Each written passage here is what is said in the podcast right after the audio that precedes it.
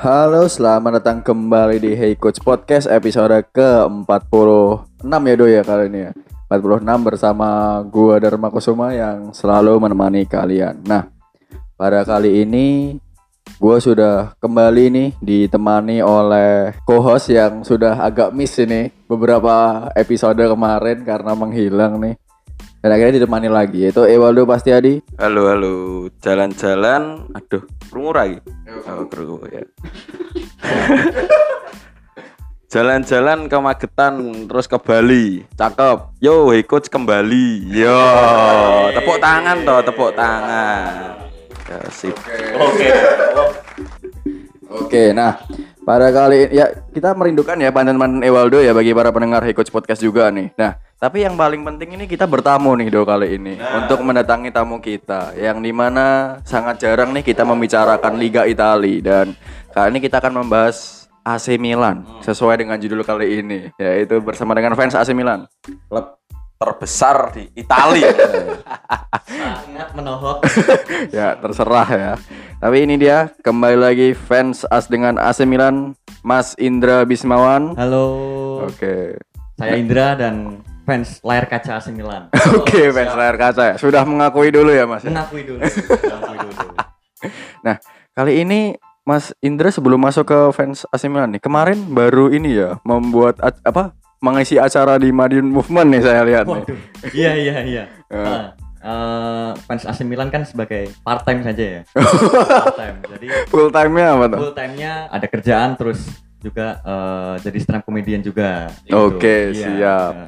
Stand up Indo Madiun juga ya, Mas ya? Iya, Iya. benar benar Oke. Sesuai dengan klubnya. Klubnya lucu, orangnya harus lucu. gitu. Ya, dika- membebani diri sendiri ya kayaknya itu. Oh, Nah, tapi juga ini gue pernah lihat juga Mas Indra ini juga ikut dalam Madiun Football juga nih kayaknya. Iya, oh, benar Oke. banget. Nah, Hmm. eh, tergabung dalam tim Madun Football Oke, udah jalan tiga ke tahun kali ya, tiga tahun lah ya. tiga tahun. Tiga atau empat tahun, lupa Hmm. deh. Nah, Oke. Tiga atau empat tahun tepatnya. Gitu. Oke, nah kali ini kita mendatangi tempatnya udah diberikan ruangan khusus nih, Mas. Kita saja nggak pernah nih punya ruangan khusus. ruangan terspesial di episode yang spesial juga ini karena untuk pertama kalinya ini episode kami ini membahas Liga Italia ini. Eh, maksudnya klub Italia, AC Milan. Oke. Red Devil. Ya, Red Devils-nya Italia ya, bukan Red Devils. Liga Inggris. Inggris. Nah, kalau ngomongin soal Red Devils AC Milan nih, Mas Indra. Apakah lu masih ingat nih, Mas? eh, pertama kali lu nonton AC Milan match pertamanya nih, itu apa? Terus apa yang membuat jatuh cinta nih dengan klub AC Milan nih? Padahal ada dua klub Milan loh, Inter Inter Milan dan AC Milan. AC Milan. Ya, Eh, itu apa, Mas? Kalau pertandingan kayaknya apa ya? Liga di Liga Italia Liga Italia sendiri sih kan Hmm. dulu Liga Italia juga sering eh, tayang di di apa namanya di TV nasional kan kayak Iya. waktu itu dulu pernah di Trans 7 nah Hmm. gitu, Cuman eh, gara-gara eh, suka suka Milan tuh gara-gara Andriy Shevchenko. Andriy Shevchenko. eh, ganteng kan soalnya. Heeh. ganteng lah gitu. Heeh. akhirnya oh su- su- akhirnya ngikutin ngikutin ngikutin ngikutin suka Hmm. gitu puncak dari senengnya tuh pas ini waktu 2003 itu kan Milan juara Liga Champions Juara Liga Champions. nah Iya. itu itu Heeh. mulai wah tapi iki klub iki nah, akhirnya langsung ngikutin ngikutin ngikutin Iya, iya, ngikutin iya, iya. terus gitu Iya. Nah, Hmm. Nah di situ waktu itu Andriy Shevchenko ya jadi. Nah terus yang membu yang jadi yang membuat jatuh cinta Andriy Shevchenko tapi nggak ingat tuh pertandingan pertama itu apa tuh? Atau minimal pertandingan yang paling berkesan nih apa kalau pertandingan paling berkesan? Paling berkesan Yang paling diingat tuh ya itu yang final musuh Juventus, itu, Juventus di ya. Old Trafford. Ah, di itu Old Trafford. Hmm, itu kayaknya pertandingan paling yang apa ya yang menabiskan saya sebagai Milanis itu kayaknya itu Ah. gitu loh.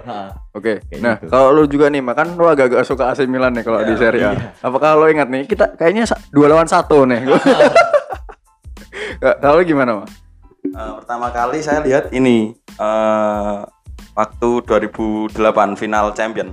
Eh kok 2008? 2007, 2007, sorry. 2007. 2007 final champion lawan Liverpool. Liverpool. Itu saya kecentok sama Tok. eh, falling in love sih. sama Inzaghi. Oh Inzaghi. Itu kan menurut saya dia shot on goal cuman satu tapi golnya dua. Ini kan Magic ya. magic, ini Magic kan banget. luar biasa. Itu saya kecentok sama AC Milan itu sih final lawan lawan Liverpool. Kecentok itu apa, Mak? Eh, jatuh hati, jatuh, hati. Karena kan yang dilawan kan Liverpool kan itu harus dikalahkan. Waduh. Nah, kalau dari gue sendiri tuh, gue nggak ngefans AC Milan ya. Cuma waktu itu ingat tuh pertandingan pertama itu MU lawan AC Milan di semifinal tahun 2007 juga. Oh iya. Yang Ha, ha, ha. waktu itu Ricardo Kakak kayak mengobok-ngobok pertahanan MU. Sih. Entah di kandang ataupun di tandang waktu itu. Tandang, Walaupun MU menang 3-2 kalau nggak salah waktu itu di leg pertama.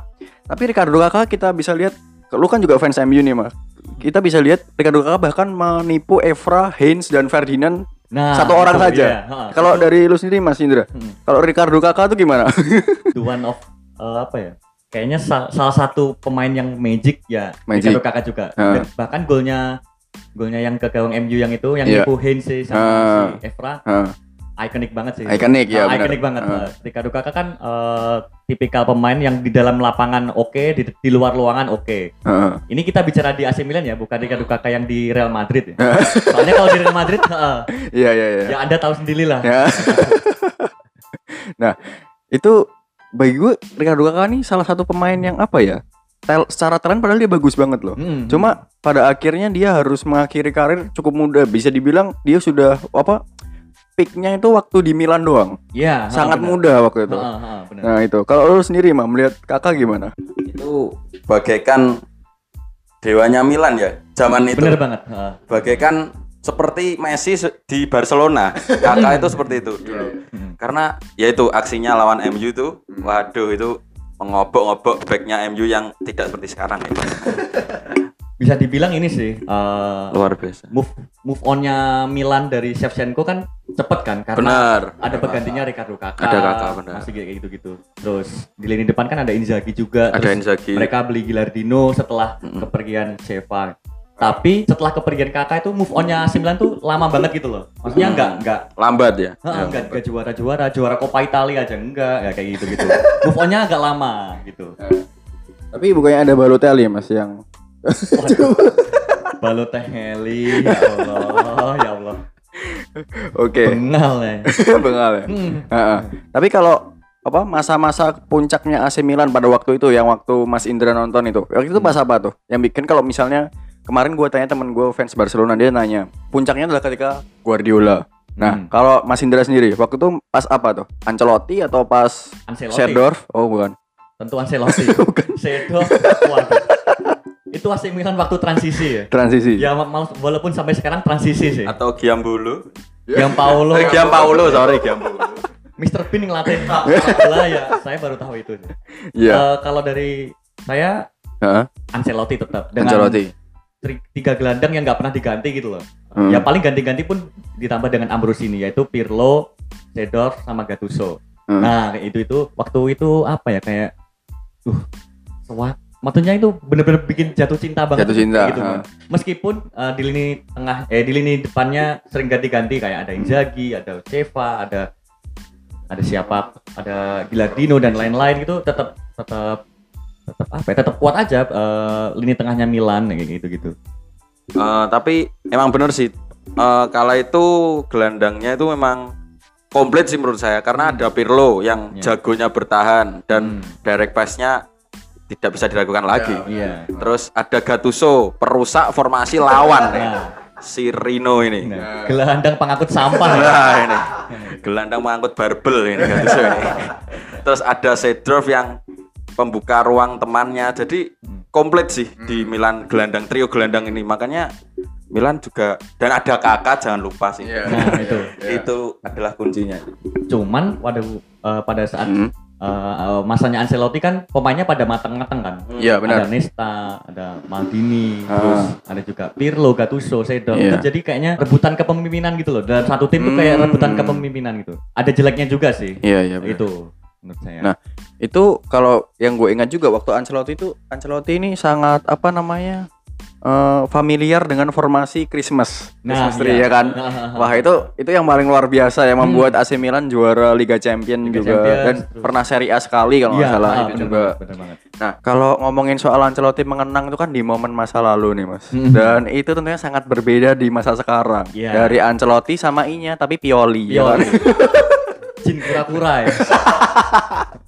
Nah, Kalau ngomongin soal musim ini nih mas, Hmm. eh, AC Milan bukan berada di peringkat satu, bukan berada di peringkat dua, bukan bahkan bu- bukan berada di peringkat Liga Champion. Nah, Dia peringkat dia. 6 di Serie A. Nah, hmm, hmm. Kalau bagi lu nih mas, fans AC Milan yang sejak dulu nih, Ah. sejak 2003 minimal lah. Iya. Nah itu bagaimana nih? Puaskah dengan peringkat 6? dibilang puas lebih puas musim lalu sih karena Hmm. di musim lalu rebutan apa namanya rebutan peringkat empatnya tuh sengit banget ada Inter ada Hmm. Atalanta ada juga Milan bahkan Milan di eh, babak pertama itu sempat nangkir di peringkat 4 di musim lalu ya di Hmm. musim ketika Gattuso masih ngelatih Iya iya. nah itu cuman kalau di musim ini kayaknya Milan tuh banyak-banyak sedekah poin di, di awal-awal musim dia Iya, karena iya, iya. faktor Giampaolo terus akhirnya Pioli masuk Hmm. Pioli masuk pun harus butuh adaptasi lagi gitu gitu Iya.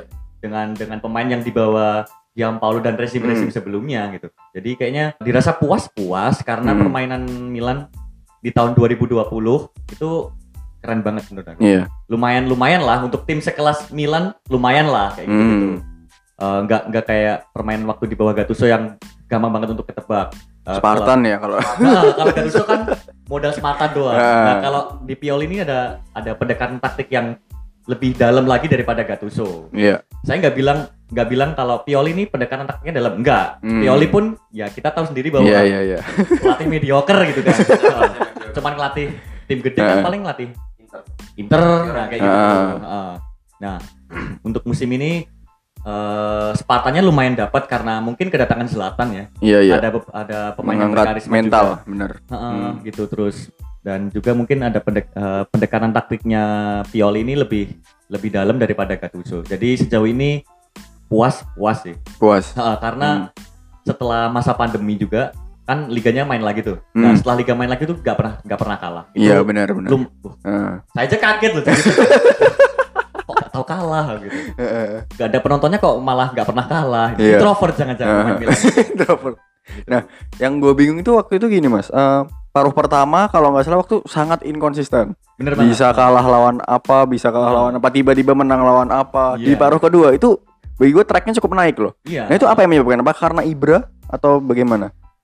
Ya karena mungkin kayaknya met- ada ada beberapa metodenya Pioli sih dengan Hmm. apa menyolidkan pemain gitu-gitu. Hmm. Mungkin Pioli kalau dari pandangan aku nih, eh, Pioli ini kayaknya ngompakin apa yang ada di dalam tim dulu. Nah, setelah Oke. kompak nanti dikasih pemahaman taktik. Harus gini gini gini gini gini gini. Mungkin kayak gitu sih. Hmm. Beda kayak Giampaolo yang tahu-tahu eh, apa Giampaolo kan sempat dulu dijuluki the next-nya Sari. Nah, kayak gitu. Sempet Oh iya, pernah. waktu itu kan Giambolo sebelumnya di Empoli atau di mana? Sampdoria. Sampdoria ya. Di Sampdoria memang mainnya oke. Ya, Cuman waktu mungkin itu. Heeh. mungkin karena faktor pemainnya nggak nggak support di Milan atau mungkin sistemnya nggak support di Milan atau Iya, iya, iya. apa pun Heeh.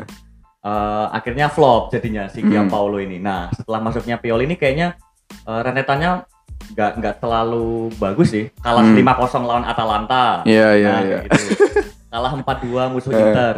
eh. Nah setelah musuh setelah kalah 4-2 musuh Inter ini, ini tuh kayak jadi cambukan gitu loh bagi bagi Oke. AC Milan sendiri. Hmm. eh, jadi cambukan juga. Setelah trennya naik, COVID. Nah, Hmm. setelah COVID ini ternyata malah semakin Makin naik. naik, Nah, kayak gitu. iya. Mungkin eh, Pioli ini punya metode solid dulu. Nah, Hmm. nanti kalau udah solid, eh, gimana gimananya kan gampang kan. Kayak Iya. pendekatan taktiknya harus gini gini gini gini Hmm. gini gini gitu.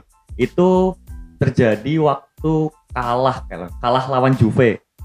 Iya, kalah lawan Juve di di di Coppa Italia. Coppa Italia sama Hmm. dua kali di kandang Juve tuh. Kalah di Liga sama kalah di Coppa. Hmm. Oke, kalah cuman mainnya uh, ini bukan Milan yang dulu-dulu ini. Nah, Oh, kayak gitu, gitu. oke. Bukan Hmm. Milan yang waktu itu kalah lawan Inter, Hmm. kalah lawan Atalanta, nah kayak gitu-gitu. Nah, setelah setelah itu kan trennya langsung naik naik naik naik dan puncaknya adalah eh, jadi bahan omongan kan. Waktu itu menang musuh Juve 4-2 gitu kan. Iya iya. Bener-bener gak terduga gitu loh. Hmm. Comeback, Comeback, eh, benar benar. kalah eh, kalah dua dua gol dulu ngebales empat Iya. gitu dan Ah. itu dibales semuanya di babak kedua kan uh semangat menang gitu gitu tapi emang overall, Ah. overall overall secara permainan Milan cukup oke sih di, Cukup di oke. tangan Pioli cukup oke lah gitu gitu Iya. Wala- eh, walaupun naik turun ya di musim Hmm. ini ya di liga terutama itu Nah. sangat naik turun. Ba- bahkan pembukanya kalau nggak salah kalah lawan Udinese ya. Iya Satu kosong. Kalah waktu itu ah wajar musuh maksudnya masih apa masih awal-awal Adaptasi ya. Heeh, wajar semakin ke sini semakin ke sini kok kok kalahnya semakin sering kayak gitu-gitu. Tapi overall oh ternyata mainnya gini. Oke juga sih si Pioli ternyata. Maksudnya ekspektasi aku kan alah Pioli ini mungkin sampai akhir musim aja nih ngabisin musim Hmm. ini kayaknya gitu. Hmm. Mungkin akan diganti. Nah, isunya kan ada eh, bakalan diganti sama ini Ralf Ragnik. Ya, Nah, Ralf Ragnik. itu. Ya. Setelah Pioli ternyata naik Hmm. eh, jadi. batal. Iya, batal. batal kontrak sama Ralf Ragnik. Dan Eh. Kayak Ragnik gitu. ini kan ya pelatih yang mainnya juga oke juga Mm-mm, mm. dan ternyata Pioli mainnya konsisten 9 kemenangan dua seri ya kalau Iya, ha, bener banget. jadi ya nggak jadi mungkin ini uh, berita bagus atau berita buruk menurut Mas Indra Liga semuanya semuanya eh, tergantung sama manajemen Milan juga sih. Hmm. Kalau misalkan manajemen Milan ini eh, nggak ada perubahan dalam tubuh manajemen, terus visi misinya tetap sama di musim lalu, kayaknya bisalah untuk empat besar. Insya Allah ya. Insya Allah bisa. empat besar Ya. Ya. Yang paling jelek mungkin peringkat lima. Peringkat gitu. lima, ya. Selisihnya sama peringkat empat gak terlalu jauh. Eropa ya. Nah, ya masih berkutat di lah. sudah gitu. Gitu. Ya semuanya sih tergantung dari manajemen juga dan sampai sejauh ini nggak ada perubahan dari uh, tubuh manajemen. Direktur tekniknya nggak ada yang ganti, terus Hmm. presiden klubnya juga nggak ada yang ganti gitu-gitu. Jadi visinya masih sama. Nah kalau visinya masih sama kan otomatis uh, supportnya ke Pioli kan masih sama kayak musim lalu. Bahkan Hmm. lebih gede ya bisa bisa aja lebih gede. Jadi uh, kayaknya masih ya bolehlah untuk bersaing dengan Lazio mungkin misalnya misalnya kalau Atalanta Eh, mungkin kurang masih masih ya. nggak bisa lah ya. harus bisa eh, semua tim Iya, di iya. Liga Italia harus mengakui bahwa Atalanta oke banget mainnya musim Oke, ini iya. Itu walaupun Atalanta yang membantai AC Milan ya 5-0. Iya, walaupun akhirnya di paruh kedua bisa dibalas cuman Bisa dibalas ya? dibalas menang di San Siro cuman lupa sih aku Ah. skornya berapa skornya dua satu apa ya atau mungkin imbang ya Mhm. lupa nih. Tapi eh, secara permainan Mm-mm. masih masih kalah jauh dengan Gasperini. Iya. Gitu. Benar benar benar. Nah, kalau dari di Liga Italia sendiri nih, pemain yang bagi Mas Indra nih ter-highlight nih dari yang disebutkan tadi secara taktikal bahkan secara motivasi itu siapa nih? Pemain yang di-highlight nih di sepanjang Liga Italia Hmm. yang paling bagus nih siapa? Kalau Di dari, Milan ya. Nah, kalau dari gua sendiri Hah? Benaher, jujur. Oh, Benacer. Ismail Ah, Benaher. Kalau dari lu, Mak? Rebic sih malahan Oh, Rebic. Rebic. Karena. Rebic menurut gua waktu itu putaran pertama sangat jelek loh. Iya, ah, Nggak banget. konsisten. tapi di akhir-akhir ini ya ini Hmm. dia wah gacor banget sih menurut saya Hmm, hmm. Emang bener banget. Karena kalau Benaher dari awal musim dia yang paling bagus. Iya. Bahkan ket- konsisten. ketika apa namanya? Ketika para pemain yang lain wah drop Heeh. tim Milan hancur-hancuran. Hancuran, Nah, itu itu Benaher Soso Wih. Benaher itu yang paling konsisten sendiri. Hmm, Bahkan dia banget. menurut gua di lini tengah yang paling bekerja keras loh di AC Milan. Iya, bahkan salah satu pemain yang nggak pernah nggak pernah diganti mungkin ya dari Iya, heeh, sepanjang benar, musim itu main terus, main Hmm. terus. Cuman menurut aku nomor satu tetap Tio Hernandez. Oh Tio Hen- oh Tio iya Hernandez. juga. Heeh. Tio Hernandez nomor dua baru Ismail Benacer. Nah, kalau dari Tio Hernandez sendiri itu apa tuh spesialnya dari Theo ini? Kalau Tio ini kan termasuk komplit lah menurut Komplit. aku. Heeh. cuman mungkin eh, Tio ini insting menyerangnya itu lebih gede daripada insting bertahannya. Nah, itu yang gua itu. cara. Heeh. cuman jeleknya dia eh, sering ninggalin pos. Mm. Nah, kayak gitu sih sering. Eh, jeleknya itu. Cuman cukup ngebantu di paruh pertama dan paruh kedua. Cukup Iya. membantu banget. Hmm. Gol-golnya, umpan-umpan silangnya, Hmm. terus tusukannya di dalam kotak penalti itu cukup membantu Iya, benar. Milan gitu loh. Hmm. Nah, jadi dan permainannya pun konsisten juga. Iya. Jadi eh, pantas lah kalau Tio Hernandez ini jadi pemain terbaik Milan untuk musim ini kayaknya Tio Hernandez. Nomor satu Tio, Tio Hmm. Hernandez. Nomor dua Ismail Benacer. Nomor tiga tetap Donnarumma. Donnarumma. Iya, Donnarumma. kalau Donnarumma kalau kenapa gua gak menyebutkan Donnarumma karena dia dari sepanjang musim membantu Milan. Nah, ha.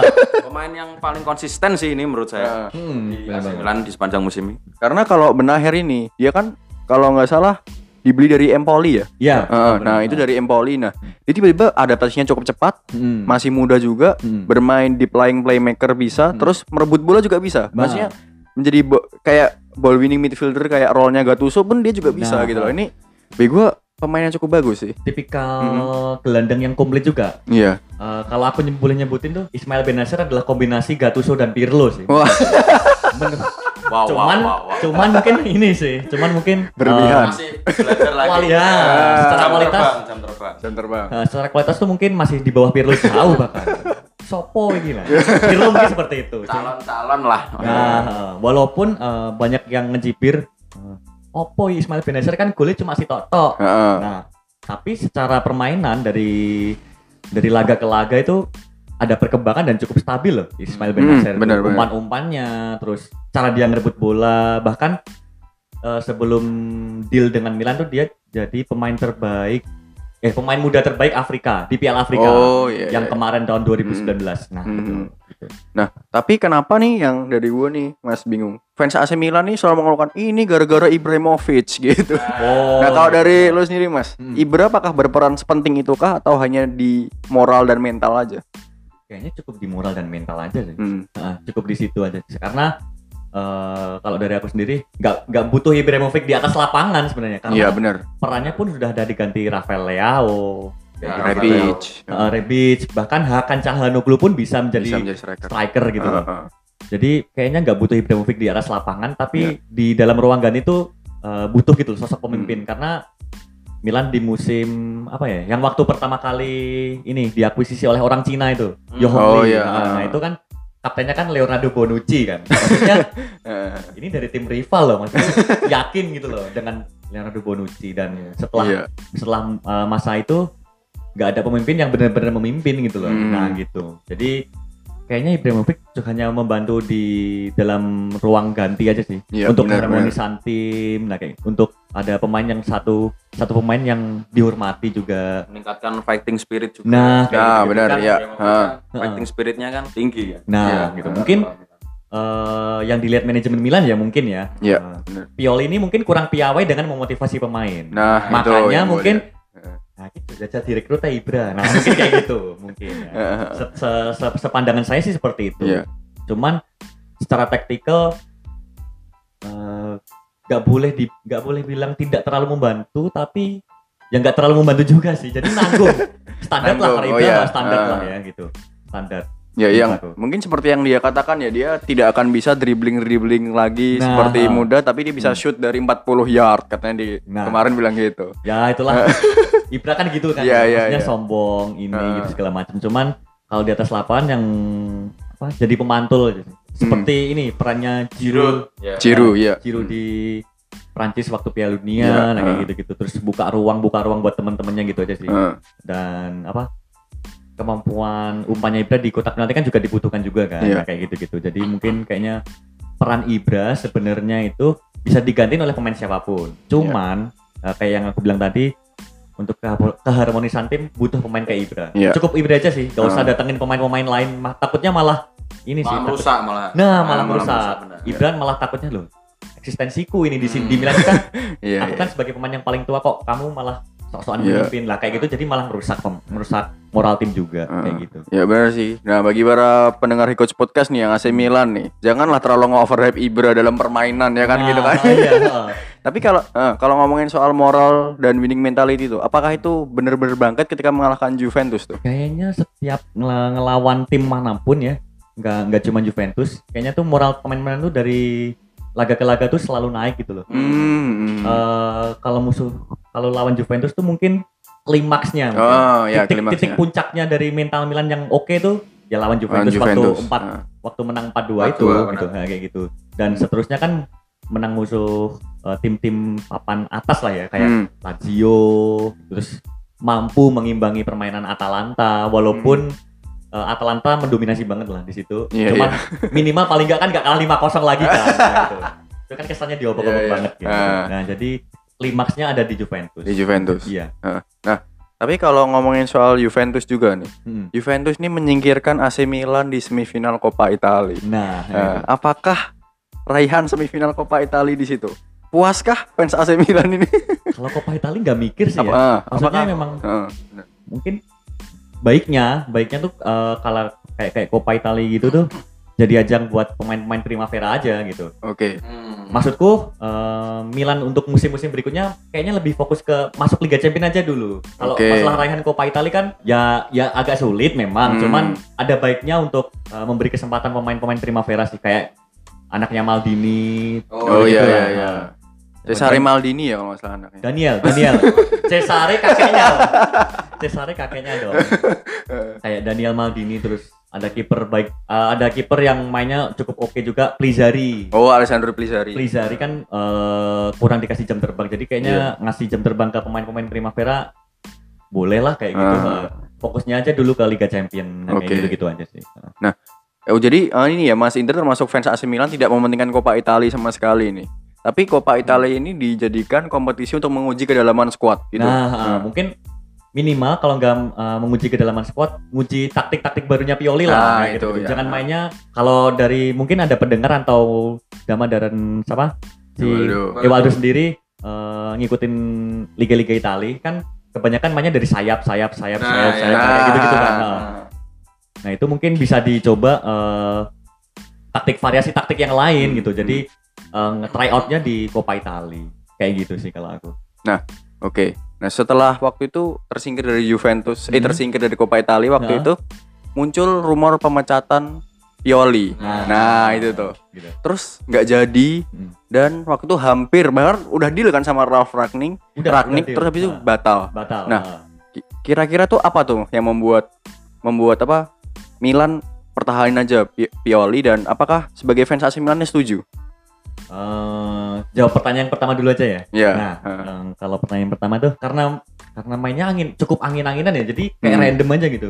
Oh, Randomnya iya. Maksudnya kayak, "Duh, ini kalau dipecat eman, tapi Hmm. kalau maksudnya kalau dipecat pun masih, waduh jangan dulu deh, kasih waktu aja dulu. Tapi kalau nggak dipecat tuh kok makin busuk kan gitu kayak gitu loh. Iya, iya. Takutnya iya. tuh seperti itu dah. Ah. Cuman eh, se- secara permainan walaupun mungkin mainnya mungkin kalah atau seri, tapi secara permainan cukup lumayan nih. Eh, Ah. Milan Milan Milan yang di sini cukup cukup lumayan oke lah gitu. Ada ada ada berkembang. perkembangan eh, di di bawah Pioli cukup ada perkembangan. Jadi kayaknya waduh jangan dulu deh. Tunggu aja sampai akhir musim gitu. Hmm. Nah, setelah itu baru eh, kita dievaluasi sama tim manajemen. Nah, ini gimana nih Pioli bla bla bla segala macam dan akhirnya diperpanjang Hmm. kontraknya seperti itu.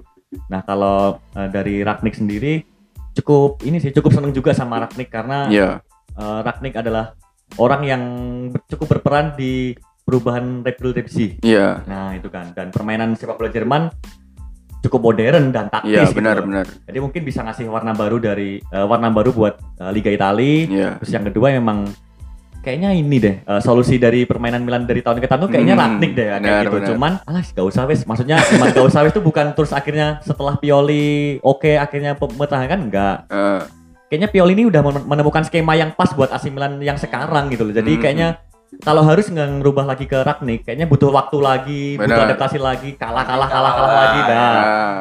jadi untuk jadi untuk ngejar ke Liga Championnya kapan kalau misalkan kita gonta ganti gonta ganti terus. Iya. Mending kayak gini aja, mumpung Piolinya udah udah nemu skema yang pas, udah nemu tempo yang pas juga, dan pemainnya juga udah solid solid semua dari kompak. Eh, Ya udah, ini aja dimatengin ya kayak gitu. Oke. Menurut Nah, aku kayak gitu. Iya, batalnya pemecatan Pioli ini menunjukkan bahwa manajemen AC Milan nampaknya melihat kelebihan Pioli. Nah, Hmm. kalau dari Mas Indra sendiri nih, kelebihan Pioli ini apa nih menurut Mas Indra? Secara general mungkin. Secara poin-poinnya apa aja nih? Apakah taktiknya bagus Hmm. atau apa nih? Atau bisa mau kok bisa nggak jadi dipecat nih? Kelebihannya apa nih sebenarnya si Pioli ini? Nah, Pioli sendiri kelebihannya apa ya? Soalnya Pioli sendiri kan track recordnya di Fiorentina dan Inter Ah, cukup kurang bagus. eh, kurang bagus. biasa-biasa aja sih. Karena di Inter pun dipecat soalnya. Nah, itu dia, itu dia. Dan setelah itu ke Fiorentina ya tidak menunjukkan perkembangan apa pun. Iya. Nah, Fiorentina tetap So-so ya. Fiorentina gitu loh, maksudnya gitu. Fiorentina yang kita kenal biasanya. Ya, Nggak ada biasa perubahan aja. gitu. Nah, kayak gitu. Ah. Jadi mungkin Apa tuh? oh, untuk kelebihan Pioli ini kayaknya lebih ini sih. Orangnya tuh sabar, Bang. Maksudnya udah percaya proses aja, percaya proses, percaya proses Ah. gitu. Gak nggak nuntut pemainnya untuk ini ini ini, ini enggak. Jadi eh apa terus apa ya memantau perkembangan pemain, memantau perkembangan Hmm. pemain. Kayaknya dari dari apa namanya? dari pendekatan komunikasi ke pemain itu oke. Oke. Cuman kayak yang aku bilang tadi tuh eh, nggak bisa ngemotivasi gitu loh kayaknya. Nah, Nah, nah makanya butuh, butuh sosok Ibra. Jadi kayaknya kelebihan Pioli ini dikomunikasi ke dari pelatih ke pemain gitu oke dan apa namanya cukup jeli sih Pioli. Ketika si Milan eh, mainnya agak agak gimana gitu waktu babak pertama tuh babak kedua ada perubahan ada perubahan ada perubahan jadi dan itu cukup sering dilakukan kayak hmm. di putaran kedua ya itu mutu lawan AS Roma itu cukup Hmm. sering kayak gitu di eh, lawan AS Roma kan cukup kesulitan untuk mengeliminasi lini tengahnya AS AS Roma, Roma, iya. nah setelah itu dia masukin Charles Maker sama Lukas Paketa Iya. nah itu cukup manjur juga, cukup merubah hasil juga, nah Iya. gitu gitu. Waktu lawan Juventus pun juga begitu. emang. Jadi Hmm. kayaknya Pioli ini pelatih yang cukup jeli gitu loh, memaksimalkan pemainnya, terus cukup jeli dalam hal melihat pertandingan juga. Kok Hmm. pertandingannya babak pertama kayak gini harus aku ganti nih, babak kedua bla bla bla segala macam lah. Iya. Itu cukup jeli juga sih. Dan yang Walaupun eh, sorry, saya potong dulu ya. sorry sorry. Eh. Walaupun kedalaman taktiknya eh, apa ya bisa dibilang gak, gak terlalu dalam kayak siapa ya pelatih Italia yang cukup terkenal mungkin. Eh, Capello, kalau dulu kan Capello, Capello, eh, Ancelotti. Conte misalkan seperti itu nggak nggak nggak kredibel kayak mereka mereka gitu Iya, loh. iya, iya. Gitu sih menurut aku. Dan yang paling penting ini saya lihat Pioli ini nggak ah plan taktiknya ini banyak ya, nggak seperti pelatih-pelatih zaman sekarang sih yang hanya punya plan A dari menit pertama sampai 90 menit mainnya gitu gitu aja. Nah, nah iya bener banget kayak Pioli gitu. ini walaupun dia terkenal di mediocre tapi taktiknya itu kaya sih menurut saya, kayak Kaya, taktik sih. menurut Oke. saya. Oke, nah kalau dari gue sebenarnya Pioli gue tidak melihat something special ya di. emang, emang. nah itu. Waktu pengumuman Pioli jadi pelatih AC Milan pun ya Allah. Bingung juga ya, kan? Iya kayak Biasa-biasa aja. pertama biasa-biasa aja. Yang kedua kenapa harus Pioli itu? Dari sekian banyak pilihan kan banyak kan pelatih-pelatih Heeh. Italia yang waktu itu nganggur kayak misalkan terus eh, Spalletti. Hmm. Oh iya, gitu-gitu. Spalletti itu. Rudi, Ha. Rudi Garcia yang pernah latih AS Roma dan cukup berhasil. cukup berhasil. Gitu. Frank Frank Rijkaard lah kayak gitu. Iya. Itu kan ada banyak pilihan gitu. Kenapa, kenapa harus Pioli kayak Iya gitu. pada, Kayak gitu. padahal Ralf Rangnick sendiri juga waktu itu sempat dirumorkan juga kan. Nah, kayak gitu. ha. gitu sih. Nah, itu juga sih. Tapi yang gue cukup kagum apa namanya si Pioli ini bisa memanfaatkan sales maker. Nah, yang ini or, waktu sebelumnya ini pemain siapa gitu. bener. Kok tiba-tiba muncul terus main bagus juga ternyata setelah gue Ah, lihat. iya. Itu apa yang mem- ap- apakah Mas Indra juga melihat itu tuh? Iya sih, sama juga. Soalnya eh, salesmaker sendiri main di liga yang nggak terlalu terkenal gitu. Hmm. Katakanlah misalkan salesmaker main di Liga Jerman, kita semua masih bisa mantau. Oh kayak gini mainnya salesmakers, Ah, nah kayak gitu. hmm. Atau Liga Belanda lah minimal. Iya. Oh kayak gini mainnya salesmaker. Ini dia main di Liga Bela- Liga Belgia, Iya, iya. Anderlecht. Ah, Anderlecht. Anderlecht gitu kan. Aduh, ini beneran nggak nih Milan eh, ngerekrut pemain kayak gini nih gitu. Cuman ternyata eh, makin ke sini makin ke sini, nah itu dia eh, apa namanya kelebihan Pioli yang yang lain adalah berhasil memanfaatkan pemainnya gitu, Pemain, Nah, ah, iya, memaksimalkan kemampuan pemainnya itu berhasil banget. Kayak Lukas Paketa dulu di Gattuso tidak terlalu dipakai dan Gianpaolo pun Iya, perannya juga mungkin apa ya perannya juga geser ya. geser. Mm. Oke. Dan di bawah Pioli kayak Paketa, Rebic, Leao, Mm. bahkan pemain kayak Simon Kjaer, Ah, back back tengah yang udah tua gitu bisa dimaksimalkan loh dan ya walaupun mainnya cukup angin-anginan sih Kjaer, cuman lu agak lumayan juga sih ya, kayak gitu-gitu. Eh, tapi kalau bagi gue Simon Kjaer cukup bagus loh di Pioli ini. Dia bisa bertahan dan membangun serangan juga. Nah, Umpan-umpannya juga cukup bagus gitu. Ah, Nah itu selain Roma Romagnoli ya tentunya Iya. yang udah tidak diragukan lagi kualitasnya. Hmm. Tapi kalau ngomongin soal kelebihan Pioli ini kayaknya juga harus ngomongin kekurangannya karena nggak Hmm. adil juga. Nah, Nah, kalau bagi Mas Indra sendiri ini kekurangan Pioli ini apa nih? ya itu tadi taktiknya Ya, kurang tapi nggak- miskin tadi ya selain miskin, itu. nah, Ah. miskin taktik miskin, miskin taktik dan juga eh, ini mungkin belum bisa ngasih ketegasan buat pemainnya gitu loh Hmm. Ah. Kayaknya harus disiplin gini gini gini gini nggak bisa kayaknya Pioli itu masih ya ya, ya masih ada kelemar kelemar kelemar gitu cuman Saya anu familiar dengan? Pelatih seperti itu. Siapa itu? siapa Ole. iya pelatih yang suaranya cempreng ya kalau di interview tuh suaranya nggak nggak tegas gitu loh. Ah. gitu Fantastic. gitu gitu Iya iya. Pioli ini kelemahannya ya itu tadi eh, apa namanya miskin taktik juga Iya, terus kurang tegas bisa- tadi ya. kurang tegas terus Hmm. nggak bisa memotivasi pemain seperti Jurgen Klopp padahal untuk tim istilahnya mediocre itu kan dibutuhkan banget eh, motivasi motivasi motivasi seperti itu kan pelatih pelatih yang pinter mengurai kata istilahnya Iya iya benar-benar. kayak misalkan apa namanya misalkan Jurgen Klopp dia kan Oke. pinter banget kan melatih Hmm, eh, bener. kat Liverpool yang dulu kayak gitu sekarang jadi kayak gini tuh Hmm. butuh butuh ekstra yang lebih gitu loh Iya iya. dan mungkin kayaknya Pioli nggak punya itu sih dan juga Pioli nggak punya ini formula-formula untuk membangun pemainnya juga jadi kayaknya untuk meningkatkan eh, meningkatkan apa namanya kinerjanya Iya. antar pemain tuh kayaknya kurang gitu loh. Hmm. kayak effortnya tuh kayak kurang. Kayak misalkan Jurgen Klopp eh, berani naruh apa namanya berani manggil pelatih apa lemparan ke dalam nah gitu gitu Oh kan iya yang itu kan berarti kan ada ada effort tersendiri kan buat buat eh, naikin kinerja pemainnya juga. Nah di situ aku nggak ngelihat di Pioli kayak gitu sih enggak Hmm. kayaknya Pioli nggak nggak tipikal pelatih yang kayak gitu sih Oke. dan mainnya pun cenderung Biasa. ya gitu-gitu aja gitu Eh, gitu-gitu aja Kalau dari lu sendiri mah apakah melihat itu juga? hampir sama sih ke bagian besar dan Pioli ini saya lihat kekurangannya juga kurang cerdik dalam memanfaatkan transfer musim panas juga ya. nah itu Nah, bener itu banget sih menurut bener saya. banget. Ka- kayak seperti eh, harusnya kan bisa memasukkan pemain-pemain yang seperti Ibra kayak gitu Hmm. kan maksudnya harus membeli pemain yang lebih dibutuhkan striker yang lebih tajam walaupun Hmm. Ibra berguna dalam membangun motivasi ya tapi kan tidak cukup sih menurut saya untuk Nah. membangun motivasi aja harus bagus juga di lapangan juga sih menurut saya Iya, Hmm. iya. Oke. Nah, kalau melihat kelebihan dan kekurangannya tentunya juga bisa melihatnya dari momen. Nah, Hmm. kalau ngomongin soal momen nih, Heeh. dari Mas Indra sendiri, best moment AC Milan musim ini nih, apa nih? Momen Asim dan musim ini apa ya? Atalanta Wah itu terbaik gitu atau Eh, apa tuh kira-kira? momennya adalah ketika menang menang lawan apa ya? Menang lawan Juve? itu malah kesekian sih. Maksudnya Sekian. emang, Oh, bukan bukan paling best itu. eh, maksudnya emang banyak pelatih yang udah bisa mengeksploitasi Oh iya, Juve, benar juga. kayak Ah. Sassuolo kayak Ah. gitu-gitu. AS Roma sih menurut aku. Yang akhirnya menang tuh menang Hmm. paruh di apa? Paruh musim kedua. Oh, iya. Nah waktu itu, uh, wangar nih. gitu. Karena itu tadi di babak pertama mainnya kok Yeah. gini-gini banget. Angga. Nah, Nah setelah babak kedua dia memainkan Paketa sama Salesmaker tuh, duh mainnya kok jadi gini, jadi hmm, se-energik ini mainnya Iya, dan iya. eh, apa namanya nyerangnya pun juga sporadis gitu loh. Maksud aku hmm. ada ada perubahan juga. Nah itu best momennya di waktu lawan AS Roma. AS tadi. Roma itu dan kalah melawan ini, kalah lawan Juventus di Liga.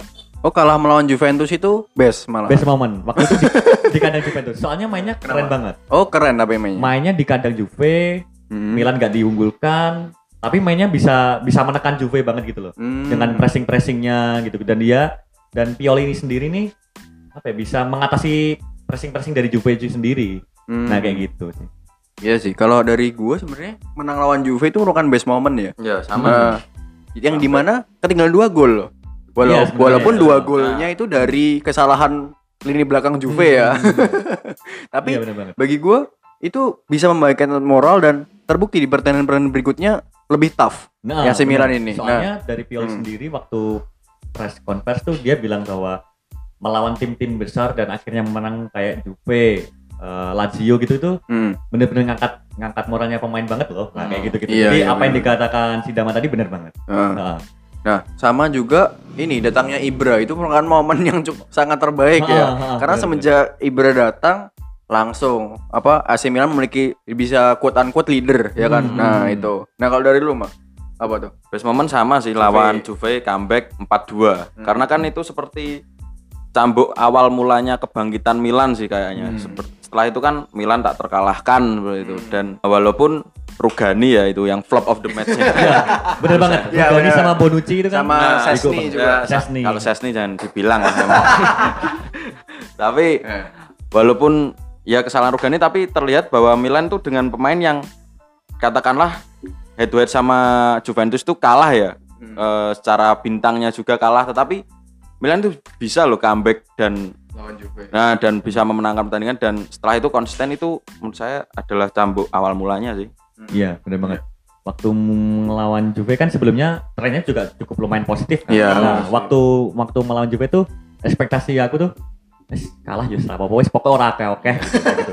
Penting mainnya lumayan terus bisa bisa ngelawan banget gitu loh. Benar. Nggak nggak lembek mainnya. Ternyata luh kok malah jadi Di luar di luar ekspektasi memang. Heeh, dan, eh, itu yang bikin duh kok kayak gini ya tapi yang bikin gak kaget tuh sebenarnya udah banyak banget tim Udah yang banyak berhasil ya. mengeksploitasi Juventus. taktiknya Juventus Ya. eh, Sassuolo dan Atalanta sendiri juga udah pernah kayak gitu dan bahkan beberapa tim-tim kecil dari Serie A pun udah Iya, udah banyak yang ngalahin Juventus jadi Hmm.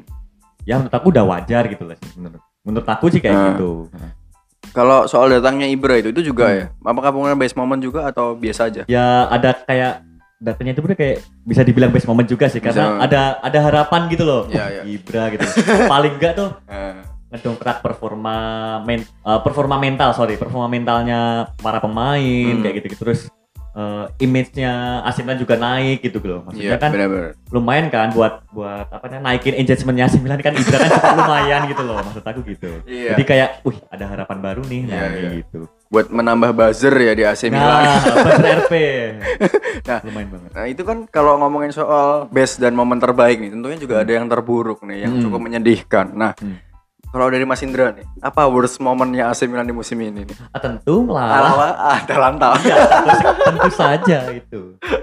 Sakitnya bukan Iya, main iya, iya. di tongkrongan dia ejek gitu. Terus secara permainan ya Allah kayak gitu. Aku gini, oke, eh, oke waktu itu Milan away di Atalanta, oke bener. Cuman mau apa kalah 5-0 gitu. Dan di samping itu juga, juga ya, kalau waktu itu gue nonton soalnya, Mm-mm. Atalanta bener-bener ngambok-ngambok AC Milan. Iya, Ini kalau bener kipernya bukan Donnarumma 15-0 Iya, kayak bisa banget, bener banget. heeh. Itu kalau kipernya siapa ya? Mungkin kipernya Sesni Nah. Donnarumma Antonio. Antonio. Nah, itu- kakaknya kakaknya tuh mungkin bisa lebih gitu loh kok iso gitu loh aku gitu itu yang pertama eh, momen terburuknya AC Milan adalah kalah lawan Atalanta dan yang kedua adalah kalah lawan Inter Oh, Ya. iya. pastilah ya kalah ya, Heeh, pasti. karena kalah lawan Derby. rival gitu kan Rival. itu pun karena kalahnya pun tidak karena permainan Inter tuh bagus itu enggak karena eh, kece- kecerobohan dari pemain-pemain AC Milan sendiri sih menurut aku bener. kayak gitu setelah eh, Inter bisa bisa apa namanya bisa ngubah skor jadi 3-2 itu permainan Milan bener-bener drop banget kayak mentalnya udah udah kelihatan Dan itu kan ke comeback ya. Mm, ke comeback ke comeback itu bener Iya, banget iya, iya. Sakitnya bukan Itu- main. yang bikin sakit tuh ini sih si Ibrahimovic tuh udah udah sombong gitu. Ya, ya bener. selebrasinya tuh udah gila Oce sombong sih makanya jangan sombong dulu gitu loh maksudnya kan masih ada 90 menit eh, masih ada 45 menit. eh, 45 menit tambah eh, lagi gitu di paruh kedua dan ternyata malah kalah hasilnya jadi menurut aku momen tersakit eh, berikutnya Itu ya. adalah kalah melawan rival sekota sih Iya. apalagi dengan ditambah selebrasi Lukaku yang cukup ikonik Iya, sebenarnya. iya, iya. Langsung di- jersey ya kayak gitu Diingat-ingat ya. Hmm, bener banget gitu. Kalau dari gue sebenarnya ada tambahan tuh, yaitu Hmm. tidak jadinya dat- tidak jadinya datangnya Ralf Ragnik. Bagi gue itu Hmm. salah satu worst ya, karena gue ingin melihat AC Milan ini kalau dilatih oleh pelatih yang benar-benar bagus nih, Hmm. seperti Ralf Ragnik ini gimana? Karena gue sudah melihat Ralf Ragnik dari ketika di Leipzig ya. Nah, Nah itu yang di mana dia memiliki filosofi mendatangkan pemain muda biar arah AC Milan ini jelas. Hmm, Karena dalam apa beberapa tahun terakhir Iya, nggak keput- jelas banget arahnya. Uh, gitu. keputusan transfernya ini nggak jelas. Tiba-tiba beli Rafael Leao, Nah, kayak tiba-tiba gitu-gitu. belinya Ante Rebic, Nah, beli gitu. siapa siapa. Hmm. Itu keputusan transfernya nggak jelas dan dari cara permainan pun tidak jelas. Nah, Hmm. apakah kalau dari Mas Indra juga itu worst moment atau biasa aja? biasa aja sih. Soalnya kan eh, biasa aja soalnya eh, waktu Ralf Rangnick udah jadi fix datang ke AC Milan itu ada harapan baru. Wah, ini ada Nah, filosofi baru ini Ah. berarti yang akan dibangun oleh Ralf Rangnick. Walaupun eh, udah bisa berdamai bahwa ya, ya udah deh nanti kalau misalkan Ralf Rangnick awal-awal ngelatih di Milan mainnya jelek ini itu sering kalah karena kan masih masih Iya, nemu bener. Masih nemu feel-nya Harus belum nemu feel-nya adaptasi dulu. Ah, adaptasi dulu kan Benar, benar. sejauh ini karena memang manajemen ngedukung Pioli dan Pioli udah nemu ritmenya kayak apa di Milan ya udah kayak gitu Iya. sih walaupun akhirnya Ralf Rangnick tuh kayak ngasih angin seger gitu loh Em, waktu itu Bener. mau ngedatengin Dayot Upamecano Ya, Hmm. itu yang gue lihat soalnya. Heeh, terus Marcel Sabitzer Nah, kayak Sabitzer, gitu-gitu. Emil Forsberg. Nah, kayak gitu-gitu kan di bawah di bawah itu kan, wah ini mainnya juga oke loh di Leipzig gitu. Lumayan ini Iya, kalau iya, dibawa di iya. Milan Milan. Ini Milan menang banyak ini lah kayak gitu. Kalau dari lu sendiri apakah juga melihat itu, Mah? Apa? Dari oh momen terburuk. Kalau momen terburuk ya saya lebih ke yang kalah sama Inter sih menurut saya. itu. Hmm. Karena lawan rival Iya. ke comeback. Ya, itu, itu loh masalahnya. Sakitnya double itu. Kalau kalah 2-0 nggak masalah, ini ke Hmm. comeback malah. 4-2. 4-2. Aduh, aduh. Nah, kalau Itu ada sih. tambahan lain nggak? Itu sih, itu sama ya Rak Ragnik itu sih. Tapi ya nggak, maksudnya nggak, ya nggak menyesal banget sih. Hmm. Oh sama ini saya tambahkan lagi. Apa lagi itu? Kedatangan Marco Giampaolo. Astagfirullahaladzim. Iya, itu musim ini ya padahal. ya? Iya, itu kan bener-bener worst banget sih. Buruk itu ya itu kayaknya Iya, iya. mendatangkan Marco Giampaolo tuh Ah. blundernya uh, AC tim Milan. manajemennya AC Ya. Milan sendiri sih. Nah, heeh. Nah, kalau ngomongin soal mendatangkan nih Hmm. dan mendatangkan juga ada membuang juga. Nah, Ya. kalau bagi Mas Indra nih, ini kan untuk menatap musim depan. Hmm. Siapa yang pemain ingin didatangkan dan dibuang? Yang pertama dulu pemain yang dibuang dulu deh. Ini siapa kira-kira? Sacio sih. Nah, sepakat kok. Sacio tuh Itu buat apa ya? iya, maksudnya jadi beban aja sih. Iya. Kan posisinya kan dia sekarang penghangat bambu cadangan kan. Maksudnya ya udah dibuang aja gitu loh. Iya. Musakio terus ada siapa ya kayaknya. Eh, kita bahas Musakio dulu nih. Heeh. Nah, kalau dari gue Musakio sepakat karena dia Padahal udah di AC Milan sejak musim berapa? 2018 atau 19 ya? Gue 17, ya. 17, Nah, nah, 17. gue nggak pernah lihat dia main bagus tuh kapan. Gue Iya, bener lupa banget. malah atau nggak pernah. Mainnya pa- padahal konsisten loh. Konsisten buruk. Iya. Dan Waktu itu di Villarreal di Villarreal pun juga gak terlalu oke permainannya kan waktu itu kan didatangkan Milan kan waktu Milan kedatangan investor dari Tiongkok Iya, itu kan, yang dari China. jor-joran itu kan waktu Eh, itu. yang Eh. Transfernya ala-ala Master League gitu. Mendatangkan 11 pemain baru loh. Iya, iya. Kayak Master League beneran kan. Ngeri iya, beneran. Iya, iya benar. Kayak gitu. Jadi di di Villarreal juga gak terlalu oke terus kenapa dibeli dan sampai sekarang masih dipertahankan. Aduh, kayaknya dibuang aja deh itu. Iya. Terus Sepakat sih. Terus Diego Laxalt Nah, sepakat gue juga. Diego Laksal. wes gak usah lah gitu. Mending disumbangin ke mana gitu loh. Ke Main SSB lah. nah, gitu. Tipenya Liga Italia sih. Ya Laksal tuh udah udah waktunya bermain di tim-tim kayak Genoa, Torino. Tapi ini kayak kan gitu-gitu. dia mantan pemain Genoa ya kalau nggak salah. Hmm, Eh, pemain Genoa dan Kembali lah. balik aja gitu loh. Iya, dan iya. di Genoa pun padahal nggak terlalu oke, kenapa baik- dibeli ah, ah. gitu. Ya gue gak bingung waktu itu kenapa Milan tuh beli Diego Laksal. Pertama, Nah. iya kalau umurnya masih muda mah nggak apa-apa. Tapi ini mun- umurnya juga nggak muda-muda banget juga kan. Nah, ah.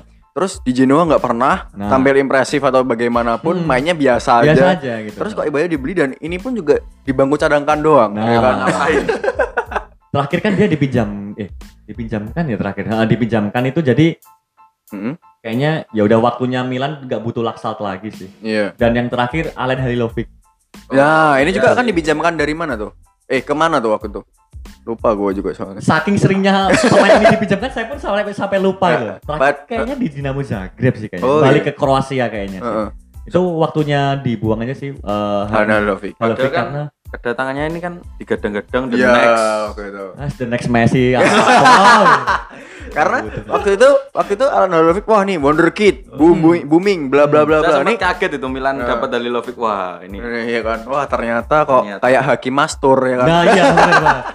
Hakim Master tuh sekarang jadi mungkin jadi eh, penjual mie ayam kan di Maroko ya mungkin. Alan Iya. Halilovic karena ya yang itu tadi karena eh se- yang setipe kayak Halilovic tuh udah ada Paketa Hmm, Nah, kayak sama gitu. Hakan Calhanoglu kan juga Nah, sama tuh posisi. ah, bener banget. Jadi udah udah udah waktunya dibuang dan juga untuk ukuran pemain yang flop dan umurnya 27 atau 28 tuh udah gak ada kesempatan lagi sih. Benar. Kecuali kalau dia umurnya 23 atau 24 mungkin ada Iya. waktu tiga atau empat tahun lagi untuk ngembalikin eh, performanya. Iya, benar, gitu. benar, benar. Cuman ini udah 27 tahun ya waktunya waktunya main Wak- di Liga Turki sih kayaknya. Kayak gitu. Iya iya. Terus apakah ada tambahan lagi? Mas?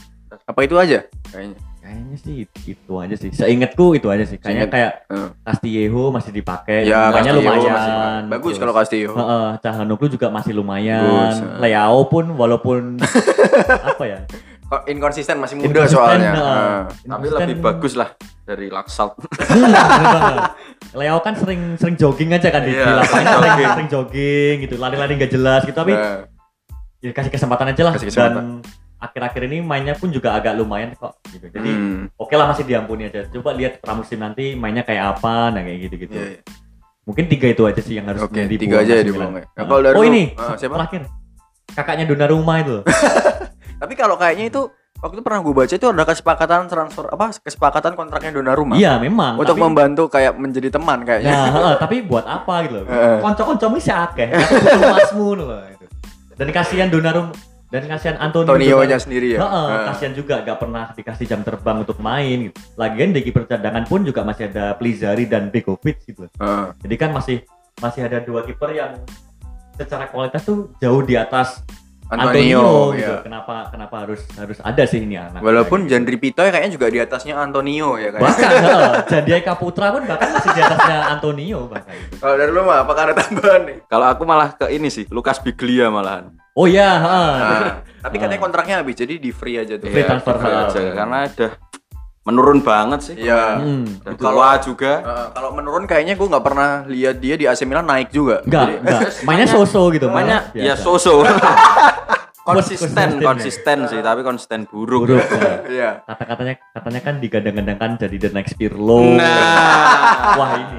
The next Pirlo itu adalah kata-kata kutukan kayaknya tuh. Janganlah, jangan jangan menyematkan Ismail Benasser atau Sandro Tonali Sandro dengan Tonali ya nanti. dengan the next Walaupun, Pirlo tuh uh, janganlah. AC Milan juga ngincer Sandro Tonali ya. Ya, dari Brescia, benar benar. banget, benar Nah, banget. nah, kalau itu juga gue ada tambahan juga nih itu Begovic ini juga kayak Begovic atau Pepe Reina ya. Pepe Reina kan juga masih di AC Milan kan. Pepe Reina udah fix ke Lazio. Kalau sih oh udah Ah. di, udah free ya. Nah, udah free. Jadi Jadi Begovic karena bagi gue AC Milan nih membutuhkan kiper kedua yang cukup layak untuk Hmm. menyaingi Donnarumma. Nih Hmm. Donnarumma iya sekarang bagus bagus bagus. Nanti lama-lama kayak kiper MU De Gea. Nah, Oh iya, oh, udah takutnya nyaman ya. Nah, nyaman. Terlalu Nyaman, nyaman, nyaman, kayak iya.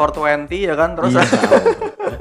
langsung menurun-menurun drop-drop. Nah, Donnarumma takutnya seperti itu karena sangat sayang kalau Donnarumma nggak diberikan saingan karena dia masih muda. Nah, Yang di mana on fire gitu masih Iya. ada api gitu. bener Nah, banget nah. Meskipun Donnarumma itu dikasih jabatan eh, apa namanya kapten kedua gitu Oh, gitu iya. kayaknya kan apa ya namanya ya namanya orang anak muda kan Donnarumma kan Hmm. masih muda dan juga agennya pun min, eh, Mino Raiola gitu Ya itu perusak. Itu kan, Perusak gitu. perusak perusak pemain kan itu kan maksudnya nggak menutup kemungkinan bahwa Donnarumma pun suatu saat akan pergi ke ke tim yang lebih besar katakanlah waktu itu Madrid. ya Madrid, Madrid, terus ya. PS PSG Ah. atau mungkin ke liga-liga Inggris yang secara Ya. kompetisi lebih oke dari Liga Italia kan nggak menutup kemungkinan itu juga gitu loh jadi mungkin Ah. kayaknya eh, saranmu bener banget sih. Iya. Nah, walaupun Mino Raiola ini bagi gua adalah agen yang terbaik ya karena dia bisa membranding pemain, menjual Nah, pemain nih bener bagi banget. bahkan Balotelli aja masih bisa dijual loh. Iya, Nah, oh, itu bener, bagi gua bener. yang cukup ini loh, salut dari Mino Ah, ah, Raiola. ah. Masih bisa dijual di Marseille, Nice, masih bisa gitu. Masih bisa kepake lah. Walaupun itu ya. Nah, tapi bagi gue juga ada tambahan lagi, Bonaventura. Oh, Bonaventura Nah, benar. karena free. ha. Nah, itu ya. udah free aja dibuang nggak usah Hmm. diperpanjang, nggak usah mikir-mikir diperpanjang walaupun Bonaventura udah say goodbye ya katanya. Iya. Nah, nah, apa kalau apakah ada tambahan lagi nih? Ma, udah cukup aja itu. Nah, kalau tentunya kalau udah ada yang dibuang tentunya ada yang harus didatangkan karena Yoi. squadnya nanti habis ya. kan? Ah. Nah, harapan Mas Indra nih, pemain yang pengen banget didatangkan AC Milan nih siapa nih? Maka Messi Waduh. Ini kayak Ewaldo ya, setiap episode podcast. Hmm. Messi ini kabarnya cocok ya ke MU ditukar sama Lingard selalu iya. gitu. Oh. Bagi para pendengar juga nih yang ingat. Kayaknya selalu ingat sih kalau itu. Ngomongin soal Messi ya, waktu itu kan eh, ada ada daftar tim yang mau ngerekrut Messi kan. Iya. Ke City. Oke lah, City kan Oke. punya duit. Dan MU. Guardiola juga. Eh, ada Guardiola. faktornya ada Guardiola juga. Ah. MU, MU kan Banyak Kayak- duit. walaupun sampai walaupun secara permainan sering diajak-ajak kan tapi tetap aja brandingnya MU itu gede Ya, banget. gede Ya, benar. Diakui gitu. ya MU oke lah gitu. Terus mungkin balik kampung ke Argentina, oke, itu Ya, masih make sense. Masih make sense. Inter Milan oke karena Inter Milan punya duit Ah, sekarang. sekarang punya duit investasi Ini kenapa sih Milan ada di daftar tuh kayak ngejek gitu. Gak, gak usah. Iya karena emang ada di daftar AC Milan, makanya saya tanya tadi. Iya, Kenapa gitu? Walaupun uh, track secara track record ada banyak pemain nggak banyak sih, ada pemain yang berpengaruh di Barcelona terus akhirnya pindah ke Milan. Nah, ya. Rivaldo. itu juga. Oh iya, Rivaldo terus Mark van Bommel. Hmm. Ya, itu Van Bommel. Ronaldinho yang terakhir Ronaldo, tuh. ya. Itu gerbong terakhirnya kan Ronaldinho Ah. gitu. Jadi kayaknya kalau Messi wah enggak wes malah malah malah apa ya? Malah takutnya malah Kasihan ke Messi-nya ya. Iya, ngangkat 10 pemain nanti kasihan juga ini. Malah akhirnya malah berantem sama Ibra, Ah, takutnya kayak gitu-gitu. Jadi Iya, iya benar benar. kayaknya untuk Messi udah deh ke City aja lah biar Ah. biar biar biar biar apa ya? Biar kompetisi Inggrisnya juga juga makin oke juga Ah. gitu-gitu. Jadi pokoknya jangan ke Juventus lah, jangan. Oke. Jangan ke Juventus. Nanti adanya adanya malah matahari kembar kan Ronaldo sama Messi Iya, kayak iya. gitu. Kompetisinya jadi gak sehat. Heeh. Eh, kalau pemain Pemain yang pengen didatangkan banget nih siapa nih? Nah ini mumpung Thiago Silva udah kontraknya habis, kayaknya Thiago Silva masih masih lumayan sih, masih lumayan Iya, iya, juga. benar, benar, benar. Eh, untuk pelapisnya Yair atau pelapisnya Romagnoli masih lumayan oke Iya. juga. Kayaknya back back tengah. Tapi. Thiago Silva katanya udah deal sama Chelsea. Nah itu dia makanya ah ya wes lah nek Thiago Silva ke Chelsea Iya, ya iya, udah deh iya. kayak gitu. Ya udah deh. Mungkin Atau back- ada list lain lagi tuh. Walaupun kita bahas sedikit ya Thiago Silva ini leadershipnya bakal dibutuhkan AC Milan. Nah, Ah, betul banget. Itu di- dia yang- di belakang ya kan. Nah, dibutuhkan itu dia eh, yang yang dibutuh yang menurut aku tuh yang kenapa eh si Thiago Silva ini datang ke Milan karena itu tadi eh, butuh leadership juga selain Ibra. Kan takutnya kan Ibra tahu-tahu pensiun atau tahu-tahu mungkin Iya, iya. pindah. Nah, kayak gitu kan Eh. takutnya kayak gitu juga. Jadi kayaknya Thiago Silva terus Iya, terus apa ya? Mungkin back back itu back kayak semacam Dayot lah, Dayot Upamecano. ya itu Waktu- Upamecano. Waktu itu kan Sa- Santer dikabarkan bahwa Dayot ini mau Ah. nih ke Milan bla bla bla segala macem Iya. kayak gitu-gitu. Jadi back back setipe Dayot ini eh back back setipe Dayot ini kayaknya dibutuhkan gitu loh di Ah. Iya. di tubuh AC Milan tuh. Terus kalau gelandang ya Sandro Tonali. Nah, itu Pengennya pengennya sih Sandro Tonali Ah. cuman eh, karena klausul kontraknya cukup tinggi kayaknya 300 juta kalau Heeh, salah. aduh, Ah. nggak usah lah. Eh, kalau kalau misalkan terlalu tinggi nggak usah, cuman Eh, Ya kalau bisa gitu. Kalau bisa mah masih aku masih berharap eh, ini sih, masih berharap ke Sandro Tonalinya mau ke AC Milan. Iya. Marcel Sabitzer juga eh, Mau lumayan juga. bagus. Eh, soalnya kan lumayan juga buat pelapisnya Castillejo, Iya, iya. pelapisnya Cahanoglu kayak Hmm. gitu-gitu masih masih lumayan. Terus ini sih waktu itu si siapa ya Rebic itu min- pernah minta Philip Kostic. Philip Oh, belum Kostiknya mestinya Frankfurt. eh, Frankfurt itu eh, pengennya Nah, kayaknya sih uh, Rebic bilangnya bu aku ditekak ke koncoku Nah, kayak gitu, mungkin gitu sih sopo eh. Philip Kostic nah itu cukup lumayan loh Philip Iya, Kostic karena gue gue kan juga melihat Bundesliga ya. Philip Hmm. Kostic ini pemain yang cukup underrated di Bundesliga. Hmm, Gue akuin. Nah, Philip Kostic terus, terus siapa lagi? siapa lagi ya Eh, strike striker sih strike lebih fokusnya lebih ke oh, striker enggak- deh kayaknya lebih ke back penggantinya Theo Hernandez kayak gitu-gitu Hmm. butuh banget uh, back back sayap kayak gitulah. Cuman uh, karena Theo Hernandez sih yang yang aku lihat uh, fitnessnya cukup lumayan oke Hmm, dan mainnya hmm. cukup lumayan konsisten. Jadi kayaknya fokusnya ke back tengah. Dan itu jawabannya ada di Dayot. Dayot Upamecano atau mungkin Thiago Silva. Ah. Ya walaupun Thiago Silva ini bisa dibilang sisa-sisanya masih ada lah. bisa bisa digunakan lagi. Iya. Terus Sandro Tonali kayak gitu-gitu. Marcel Sabitzer Masih berharap ke orang-orang kayak gitu. Bahkan masih berharap Patrick Cutrone balik ke Milan lagi. Oh, Patrick Couture ini rate ya apa pemain yang bagus memang. Kalau bagi Sebenarnya Mas Indra. nggak bagus sih. Gak bagusnya tuh maksudnya gak, gak, gak, gak bisa dibilang konsisten. Tapi eh si Cutrone ini jelmaannya Inzaghi gitu loh. Tahu-tahu ada, tahu-tahu ada lah kayak gitu-gitu. Eh, Ah, kayaknya ya, nggak ya. ada ya the next Inzaghi ini. Nggak ada. Wah, sulit bro. Sulit, sulit karena Permainan permainannya kan udah beda juga Iya, ya. iya, iya.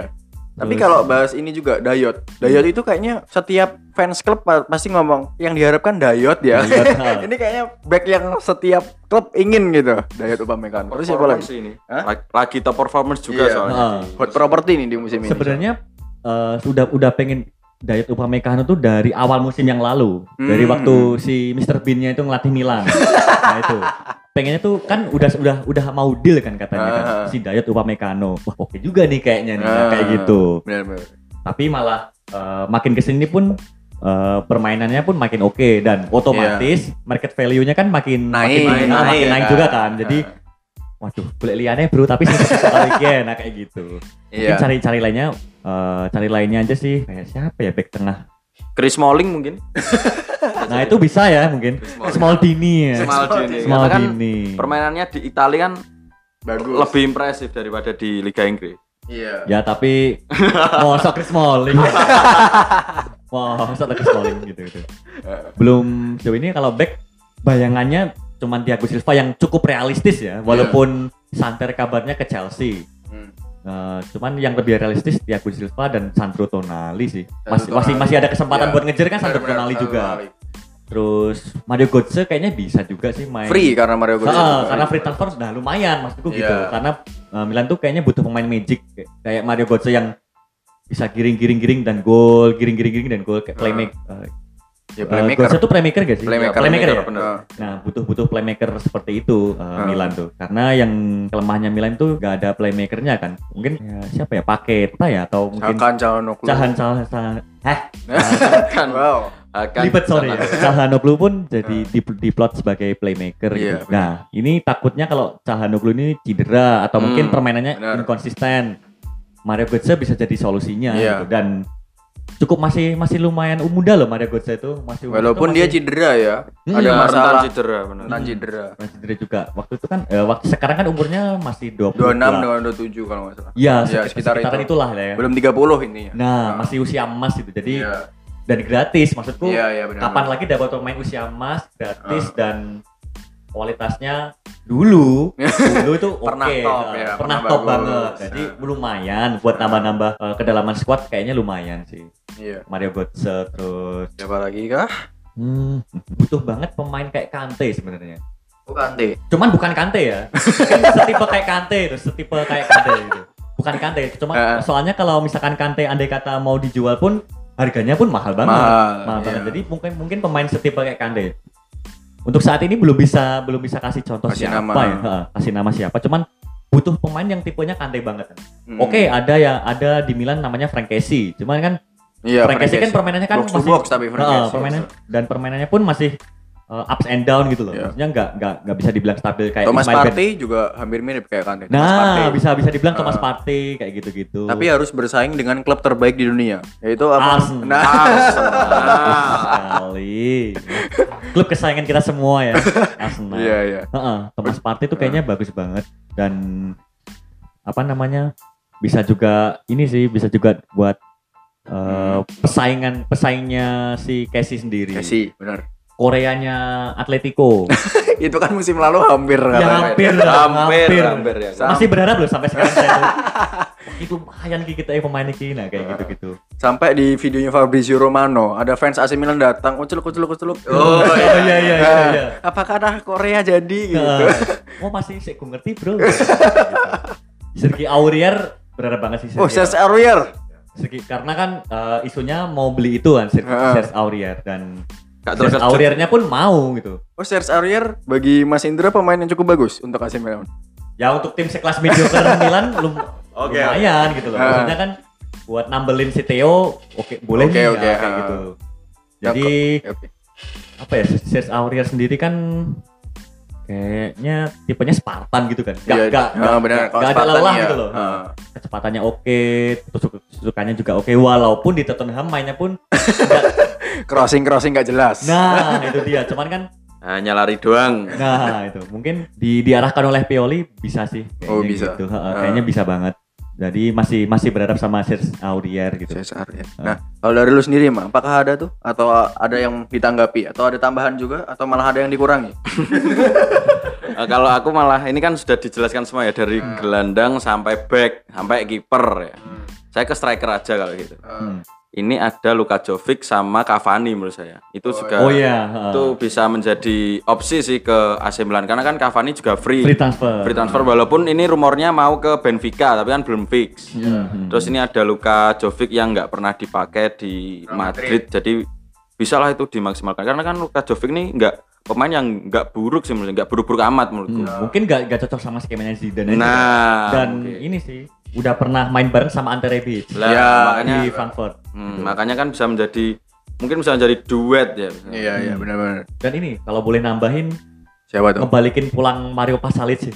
Oh, Mara Oh. Oh, iya Mario iya iya. Pasalic. Ini sangat luar biasa di Atalanta Hmm, dia. terus ngebalikin pulang Manuel Locatelli di Sassuolo. Ya, Sassuolo benar. Dia Keren banget sih baik-baik bagus. Locatelli. Dia box to box yang cukup bagus sih. Nah, kalau bisa, wah balik no Locatelli lah. kalau nggak bisa Pasalic, Locatelli aja deh. Nah. apa deh, Nah, kayak gitu-gitu. Iya. Itu tambahannya itu aja. Iya.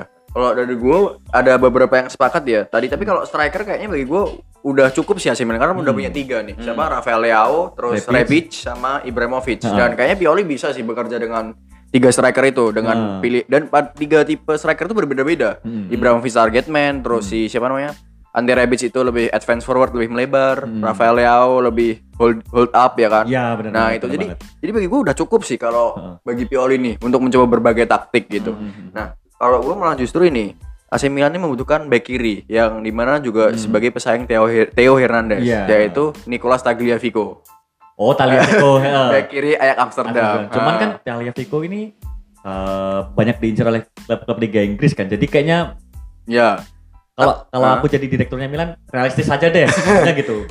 Tapi karena gini, Tagliafico ini. Kan kalau kita memikirkan pemain siapa yang ditengkan AC Milan, yaitu antara pemain top yang ada dari liga kecil, Hmm? pemain klub papan tengah yang ada di liga besar. Besar. Pilihannya kan dua itu. Iya, pilihan dua itu benar, Bang. nggak Ah, bisa pemain yang klub papan atas nggak bisa. Nggak bisa, nggak bisa, nggak bisa. Neymar. Waduh, Sulit. Nekane Mbappe, lah iso, nggak iso. Ada fans Arsenal gitu. Messi Nah, oke, nggak ada. Arsenal tuh. Akhirat ya, tapi ini. malah sebut merek malah. Iya. Tapi ini juga eh, bagi gue juga selain Tagliafico nih karena gini, back AC Milan eh, Tagliafico ini merupakan back kiri yang tekniknya cukup bagus. Hmm, benar. Dari dia cukup jam terbangnya juga cukup dan itu bisa dijadikan inti oleh AC Milan. ya, Ya kan? Nah, yang di mana dia bolak-balik dengan cukup bagus ya kan, kecepatan masih ada. masih ada juga. Terus umpan silangnya pun juga masih Ah, oke gitu loh. Karena tag- terbukti Chelsea musim ini memilih Ben Chilwell malahan Nah, itu. Padahal ada pilihan dia. dua tuh, Tagliafico apa Ben Chilwell ya? Ben Chilwell aja ya. Lebih chill ya mungkin. Ini gue juga bingung loh, kenapa milih Ben Chilwell ya kan? Yang overrated ya, tapi inilah.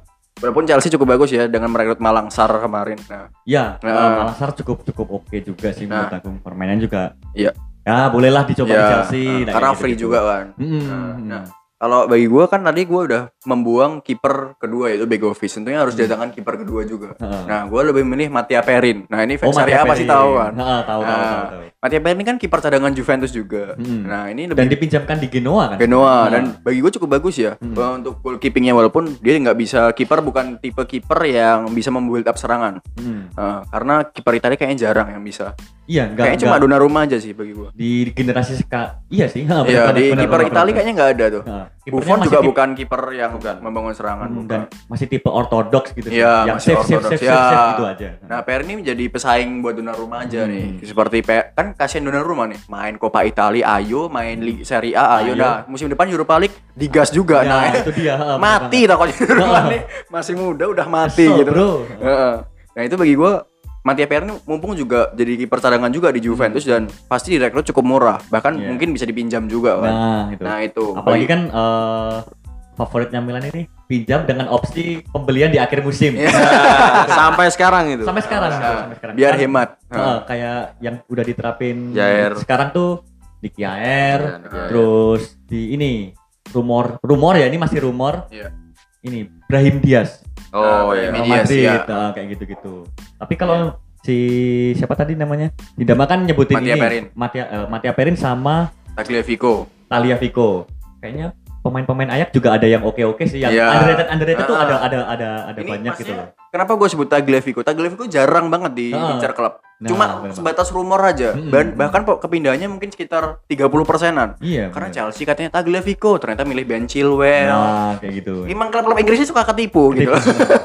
Termasuk MU. Nah, tapi ini juga. Kan tadi kita juga mencari tuh back tengah siapa. Nah, kalau Hmm. gua ada lagi itu Diego Lo- Llorente. Back tengahnya Real Sociedad. Mhm. Nah, itu di La Liga. Hmm. Nah, ini banyak juga sedikit juga klub itu yang mengincar klub papan tengahnya La Liga. Hmm. Baru cukup bagus. Di Sevilla sendiri pun juga ada Diego Carlos sama Jules Okende yang cukup Nah, bagus. Terus benar. habis itu di Real Sociedad sendiri ada Inigo Martinez yang bahkan masih di situ terus. Iya. ha. Jarang diincar terus habis itu sekarang ini Diego Llorente yang cukup bagus itu Hmm. dia back tengah yang bisa membangun serangan dan Pioli gua itu pemain seperti ini permainannya cukup modern walaupun setengah-setengah ya Hmm. Iya, modernnya. iya mod- bener. Modernnya pun setengah-setengah gitu loh. Nah, nah itu Diego Llorente ini bisa itu bisa membangun pertahanan, Hmm. eh membangun membangun serangan dan juga bertahan gitu. Iya. Heeh. Nah kalau soal Diego Llorente gimana? Apakah cukup mengetahui ini Mas Indra?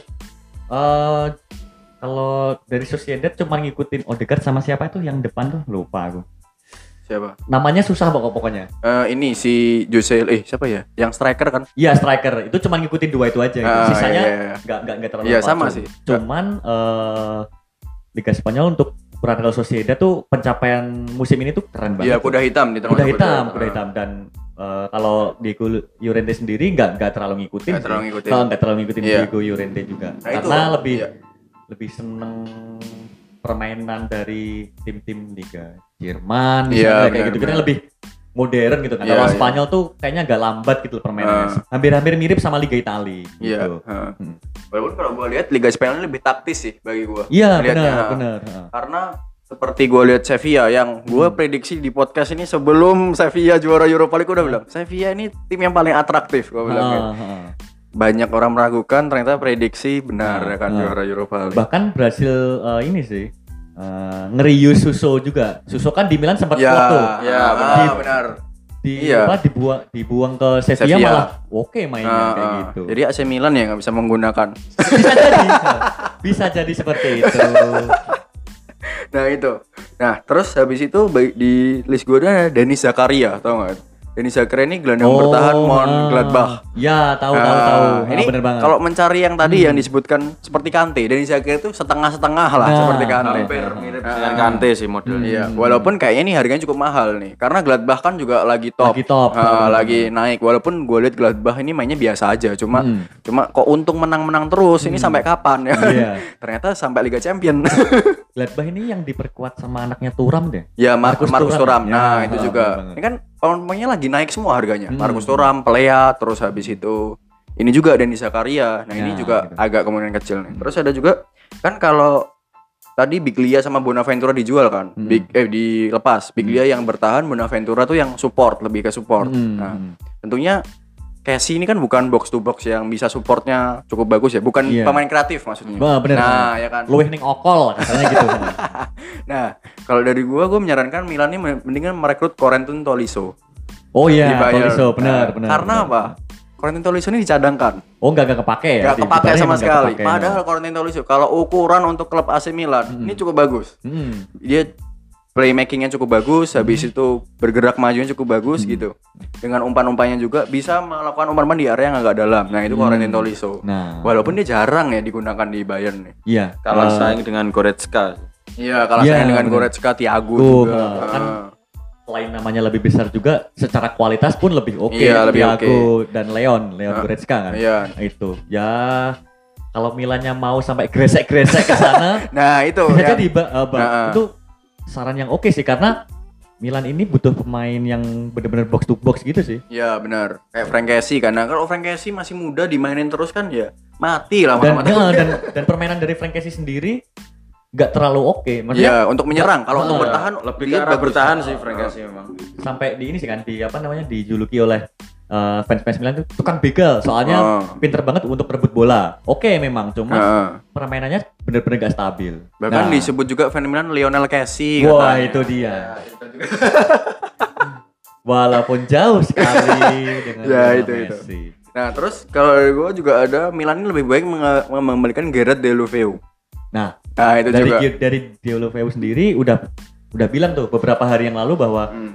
Aku sih jadi pengen banget loh main beneran heeh. di, di di di salah satu surat kabar itu dia bilang kalau sebenarnya aku masih mau kok main di Milan gini gini Hmm. gini soalnya Karena Watford degradasi sebenarnya. nah itu dia mumpung pasti pasti nilai jualnya murah kan Iya benar. nilai jualnya murah dan juga eh, waktu di Milan pun di bawah Montel meskipun pelatihnya beda Heeh. minimal kan dia tahu eh, budayanya klub Ya, kayak apa nah, ada kayak benar, gitu-gitu benar. jadi bisa lah kalau misalkan dibalikin lagi Iya. boleh deh kayak gitu Heeh. Nah kalau dari gue soalnya Deulofeu ini pemain sayap yang cukup skillful. Hmm. Nah itu kan dibutuhkan Milan tuh untuk beberapa kesempatan. Iya. Karena sayap AC Milan mungkin Samu Castillo yang cukup skillful. iya Terus siapa lagi ya? Nggak nggak tahu sih. Nggak ada kayaknya sayap AC Milan yang cukup skillful dalam dribbling. emang seperti emang nggak ada. Nggak ada. Emang nggak ada. itu. Itu.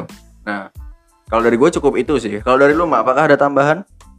Eh, ini Denis Suarez mungkin bisa juga. Denis Suarez. Denis Suarez ini sekarang di Sempat di Arsenal ya? Di Oh, masih Arsenal. di Arsenal. Di Arsenal masih di Arsenal. oh, masih di Arsenal. Hmm. Oh. Terus Dan kan perannya kan digantikan oleh ini Denis Ceballos dia sekarang.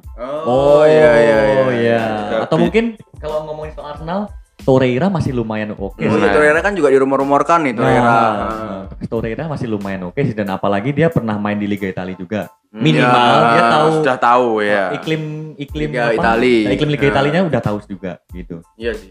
Kalau dari gua Torreira cukup bagus walaupun ya masih bagus ini bagi gua ya. Masih bagus Frank Casey sama Benaher sih. Ya, heeh, heeh. cuman Karena untuk Torreira- masalah pelapis atau apa pun Ya, fighting spirit benar benar benar. bisa Ya, fighting spiritnya Torreira cukup tinggi dan Hmm. itu mungkin dibutuhkan oleh AC Milan. Nah, Hmm. kalau kita mendatangkan pemain-pemain nih kan tentunya untuk melihat harapan yang ke depan nih. Hmm. Bagaimana untuk membentuk harapan ke depan. Nah, kalau dari Mas Indra nih, selain pemain-pemain nih, apakah ada nih yang harapan bagi AC Milan dan kekurangan apa yang harus dibenahi di AC Milan ini? sebenarnya kalau harapannya udah udah terbayar udah terbayar apa ya udah terbayar dari musim ini sih Hmm. harapannya tuh punya stadion sendiri iya harapannya tuh pengen Ah. punya stadion sendiri gitu. karena yang seperti yang kita tahu bahwa Milan itu kan numpang iya, kontrak iya. Ah. kontrak satu kontrakan dengan Inter nah yang baru-baru ini tuh me- mereka bangun stadion bareng Inter juga podo aja itu. Cuman kan minimal eh, Ah. stadionnya kan milik klub masing-masing kan. Iya, Nah, iya, Jadi iya, iya. sudah terbayar juga dan udah mulai dibangun juga Ah. kayak gitu. Harapannya sih seperti itu dan juga untuk masalah keuangan sih Milan harusnya lebih ini sih lebih apa Stabil. lebih, lebih stabil juga Ya. kayak gitu. Jadi kayaknya ya eh, untuk merekrut Ivan Gazidis itu kan eh, tukang apa ya? Tukang tukang membenahi tim secara finansial meskipun dia merusak Arsenal ya, Iya, iya, meskipun iya. meskipun merusak Arsenal cuman ya wis gak apa-apa wis wis kacau gue jadi soalin wis gak apa-apa lah kayak gitu harapannya sih bisa masuk UCL aja dulu deh Iya. kayak gitu Oh, dan iya, permainannya konsisten Nah itu Gitu. kalau dari gua adalah oh, permainan lebih konsisten di AC Milan. Karena kalau permainan konsisten pasti masuk mana aja itu bisa. nah kayak Ah. gitu juga Heeh. Karena kalau Gazidis nih ya no comment lah kalau gua lihat. Heeh. Pelit, tipikal pelit. pelit pelit juga Eh. kan Mas. Eh, dan selain konsisten dan masuk UCL melangkah lebih jauh ke dari ke Europa League juga lumayan sih. Iya, Maksudnya melangkah-melangkah sampai babak delapan besar atau semifinal Ah. tuh yo, lumayan ya gitu loh Iya. maksudnya gitu Atau bisa juga AC Milan ini mending fokus juara Europa League bisa biar bisa masuk Liga UCL lewat jalur undangan Europa nah League. itu ya. takutnya waktu fokus di Europa League malah AC Milan peringkat 12 nanti. mending mungkin fokus Liga aja deh gitu. Oh iya, mending fokus di liga dengan peringkat Champions League ya di peringkat 4 gitu iya maksudnya. ah, ah, gitu Ah. sih Kalau MU di musim pertama Mourinho waktu itu caranya gitu. Fokus di Europa, Europa League, League. juara, juara ya kan. Ah, ah, ah. Juara walaupun peringkat 6 ya Nah, kan. Kalau dari lu mah apakah ada harapan nih atau ada pembenahan yang di, harus dibenahi? Ya harapanku AC. AC Milan ini sih lebih memilih ke juara Europa League sih karena kan juga puasa gelar juga Hmm. Hmm, terakhir juara itu Super lama. Italia Nah. tahun 2015. 12. Bukan. 15. Oh, Waktu 15. itu finalnya di Qatar apa di Abu Dhabi? Pokoknya di Oh yang di- yang ngalahin Juventus ya? bukan? Ya, itu pun lewat babak adu penalti gitu. Ah. Nah, itu. Itu terakhir itu sih. Dan Super Dan cukup lama loh tapi. Iya. Lima tahun. Copa ya. Ya, Super Super Coppa Copa. Ini piala apa? gitu. Kalau Copa Italia kan masih Nah. mending. Masih mending, masih mending. Setara dengan Karabau ya. Monggo dilanjut. Lah menurut saya Milan ini lebih baik menjuarai Europa League ya karena satu sudah puasa gelar sangat lama, kedua tiket UCL free. Nah, Iya. ini Iya, kan benar. ini kan yang dikangenin oleh fans-fans Milan ya kembali ke Liga Champion. Dan kalau misalkan mau kalau mau ngelihat dari sisi keuangan pun double-double kan. Misalkan Hmm. juara Europa League pasti dapat uang. Ya. Nah, gitu. Terus musim depannya udah dapat prize dari Nah, Champions League. Nah, Nah, itu dia, benar, benar Nah. banget. Jadi ya bisa deh, cuman eh, kayaknya Europa League ini kan ini yang yang kadang gak enaknya dari Europa League tuh tim-tim yang peringkat ketiga di Champions UCL League, ya. Nah, kan masih masih lumayan oke-oke Ah. kan. Katakanlah Sevilla itu turun Nah. terus juara. Ini Nah. kurang ajar. Sevilla, terus bisa bisa dikatakan Dortmund, Ah. bahkan kayak Inter kemarin Ajax itu juga. Ah. kan masih lumayan berat Iya, kan. Jadi iya. katanya sainganmu abot. Mending liga ya lah kan kita gitu. Iya, iya, iya. main konsisten terus ngebentuk pondasi klub Hmm. terus gak ada gak ada urusan kacau balau di manajemen itu udah udah udah cukup oke sih untuk Iya. musim depan dan insya Allah kalau ketiganya itu bisa bersinergi kayaknya bisa deh masuk UCL Hmm. kayaknya sih dengan Iya, iya, iya. dengan jalur ajaib ya maksudnya dengan jalur ajaib tuh kayak misalkan waktu pertandingan terakhir eh, tim-tim kayak Lazio, Atalanta, Inter tuh kalah kalah kalah dan Milan menang terus Ah. akhirnya jadi Wow, ke- wow, wow, wow, wow. keempat besar itu kan jalur magic yang Jalur Iya. naik. jalur opo jadi itu bukan, bukan karena kualitas kan Iya. itu karena untung aja gitu Kayaknya itu yang dialami MU ya, tiba-tiba peringkat tiga. Nah, itu. dia. Solusinya dongo sing kenceng ya.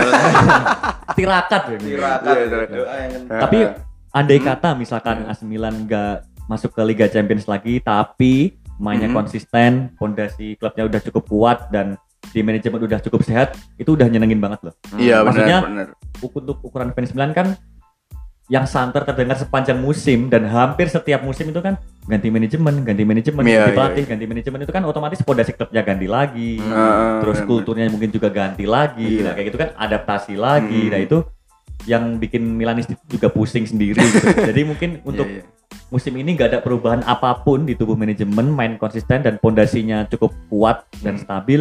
Itu udah salah satu prestasi loh untuk tim ukuran Iya, Milan iya, yang iya. Dari oke terus wow lah gitu oke banget sih menurut aku. wow gitu. Hmm. Ya, kalau dari gua kayaknya juga udah cukup sih itu aja. Kalau dari lu apakah ada tambahan, Pak? Cukup Cukup ya. Kalau dari Mas Indra, apakah ada tambahan lagi nih? Nasihat-nasihat lagi. Tambahannya apa Untuk ya? fans AC Milan, para pendengar Coach Podcast nih, mungkin Untuk- AC Milan iya. nah, ya kan. fans AC Milan sih. Iya, karena cukup banyak kok sebenarnya para pendengar Coach Podcast ini dari fans AC Milan juga. Gitu. Waduh, ini mengada-ngada ini. Eh apa ya? Untuk Sabar, lebih sabar, apa? nah, tabah dan sabar. Nah, sing sareh, Bro. Dukung Milan sing sareh lah. Yang sa- sabar, sabar ya. yang sabar terus apa ya namanya? Gak usah ekspektasi tinggi-tinggi lah. Nah, Hmm. ah. Ini penyakitnya penyakitnya Milan tuh misalkan ya, ini misalkan Milan dalam lima kali match tuh menang terus Hmm. langsung woi soy juara woi soy kalah nih Juve kan bisa nih treble winners gitu. nah kayak gitu, gitu itu kan itu kan ya piye ya terlalu tinggi gitu maksudnya Iya iya iya iya. gak usah terlalu berekspektasi lebih-lebih aja sih. Eh. Jadi bisa madione lah. Eh, Asal-asal jalan aja, yang penting Eh. klubnya baik-baik aja, itu udah cukup oke buat tim-tim eh, yang masih saat ini bertransformasi tuh kayak Milan tuh ya lumayan oke gitu dan Hmm. buat temen-temen hey coach mungkin yang dengerin ini dan belum terlalu tertarik untuk kan sekarang banyak nih yang nggak terlalu tertarik untuk melihat tim-tim dari Liga Italia. Hmm. Hmm, benar. Sekarang tuh banyak banget loh tim-tim Liga Italia yang mainnya cukup atraktif dan bahkan Atalanta. kalah. Atalanta yang mengejutkan sih. Atalanta juga terus Lazio tuh juga Lazio. mainnya Hmm. meskipun di akhir musim gembos Buruk ya. banget ya. Buruk banget gembos, kehabisan bensin dan mentalnya jelek banget tuh. Iya. Ya oke lah untuk tim ukuran Lazio dan Hmm. apalagi tim-tim kayak Sassuolo. Iya, Tuh Sassuolo. permainannya juga udah Ah. lumayan oke. AS Parah. Roma. Nah, AS Roma juga udah lumayan oke. Kenapa? Ada apa dengan AS Roma? Gak apa-apa. Eh, juga ditambah sama tim-tim mediokernya kayak Cagliari, Iya, iya. Bolonya itu tim-tim yang cukup mengejutkan. Kadang-kadang mereka bisa menang, kadang-kadang eh, apa namanya bisa ngejugal, misalkan bisa ngalahin Inter Milan, bisa ngalahin Hmm. Milan. Kayak tim sekelas Atalanta aja yang dulu dianggap mediocre bisa ngalahin Milan 5-0 loh, Iya. kayak gitu-gitu. Nah, saya tekankan sekali lagi ya, dan puas wong-wong itu. Jadi Iya iya. Eh, nggak ada salahnya buat ngikutin tim-tim dari Liga Italia karena permainannya pun juga udah mulai atraktif dan bervariasi jadi iya. setiap tim tuh punya punya ciri khas masing-masing Mm, kayak gitu. Jadi cukup cukup cukup menarik buat diikuti walaupun mainnya pun dini hari dini hari sih. Iya, Kayak itu gitu. juga ya Ha-ha. permasalahannya. Gitu sih. Ah, Menurut nah. aku itu aja dari teman-teman eh, buat aku buat teman-teman yang dengerin Hey Coach eh, nggak usah bosen-bosen buat lig- nonton Liga Liga Italia Italia. karena Liga Italia sendiri udah mulai atraktif dan nggak ngebosenin kayak kayak dulu-dulu. Iya. Udah gitu. Ha, Nah, ya intinya Mas Indra ini ingin mengajak untuk ayo kembali walaupun sempat rame ya dulu Liga Iya, Italia ya ha, kan. ha. Seri untuk mengajak ayo nonton seri A lagi ya kan. Hmm. Dan bagi gua itu juga sudah sih. Eh, gua dari Kusuma signing out. Ewaldo say goodbye. Ewaldo dan Mas Indra say goodbye. Ha. Ya, sampai jumpa di episode Hey Coach Podcast berikutnya. Goodbye.